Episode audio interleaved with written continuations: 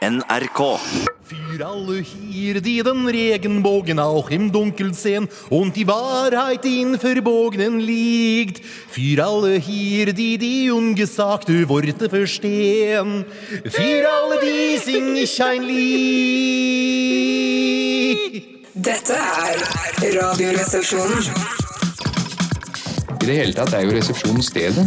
Radio, radioresepsjonen på P3. Og det er uh, Sexklubben, som er meg, eh, ansvarlig redaktør, Bjarte Paul, som er da gammelen eller like, og Tore Sagen som er linseprinsen, eller Lille Pjokk.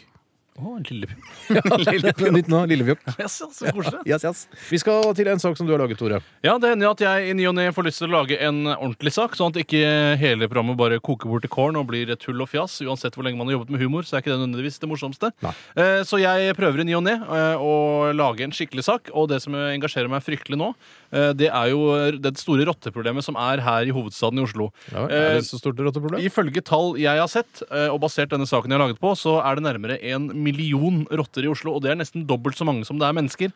Ja. Ja, Det kommer litt an på om du ser Stor-Oslo eller ikke, men det er greit. I Stor-Oslo bor det 530 000. Nei, nei, nei. Stor-Oslo bor det nærmere en million Nei, nå får vi slappe av litt. Ja, men det er Nei, nå, det er ikke interessant for saken. Men vi har i hvert fall laget en sak på det, og, men ja Den ble helt grei, liksom. Men eh, alltid er- skjærer det seg liksom litt, liksom. Snakker du ungdomsspråk nå, liksom? ja. Skal vi høre saken du har laget, Tore? Ja. Ja.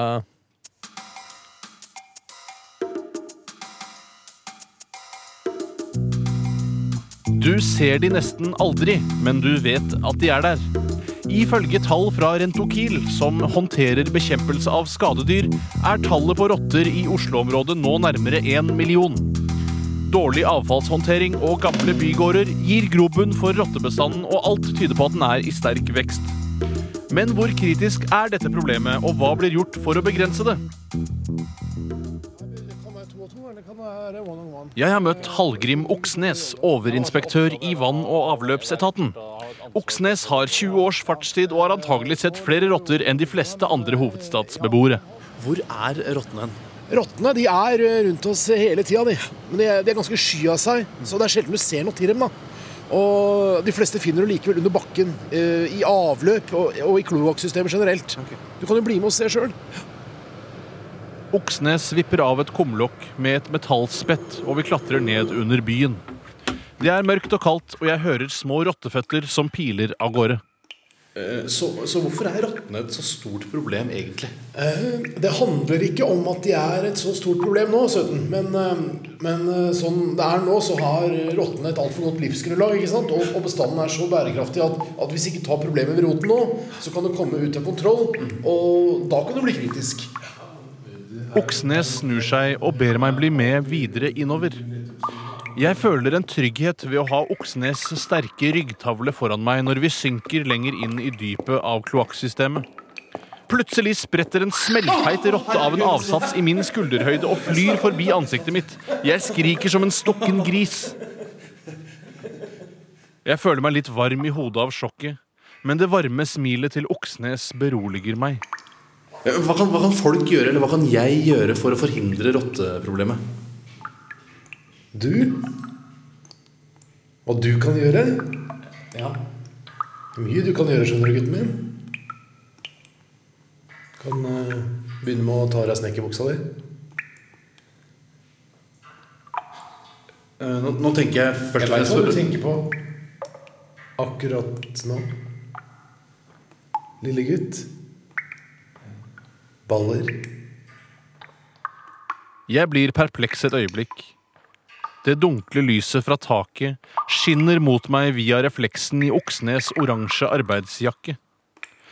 Jeg ser at han løfter den store neven sin mot ansiktet og lar en stor, furet finger gli inn og ut av munnen. Eh, Jeg tenker på håndtering av kjøkkenavfall, f.eks. Er det noe vi bør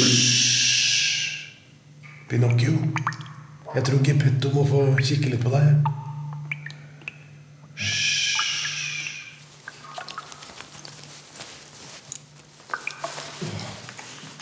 Jeg vet at jeg ikke burde, men inni meg kan jeg høre den sterke, gamle kroppen snakke til meg. Oksnes tar tak rundt hoftene mine og løfter meg opp. Jeg slynger bena mine rundt ham, og munnene våre forenes i et kyss. Han hviler meg på et metallrekkverk før han river av seg sine egne og mine klær. Kroppene våre smelter sammen, og jeg kjenner varmen fra den gamle mot magen min. Vi danser vår heftige dans til vi begge eksploderer i hverandres armer, og jeg lar Oksnes hvile sitt svette ansikt mot min nakne skulder mens han skjelver som et aspeløv. Jeg stryker fingrene mine over den blanke skallen hans og forsikrer han om at jeg har fått alt jeg trenger til reportasjen min. Og litt til.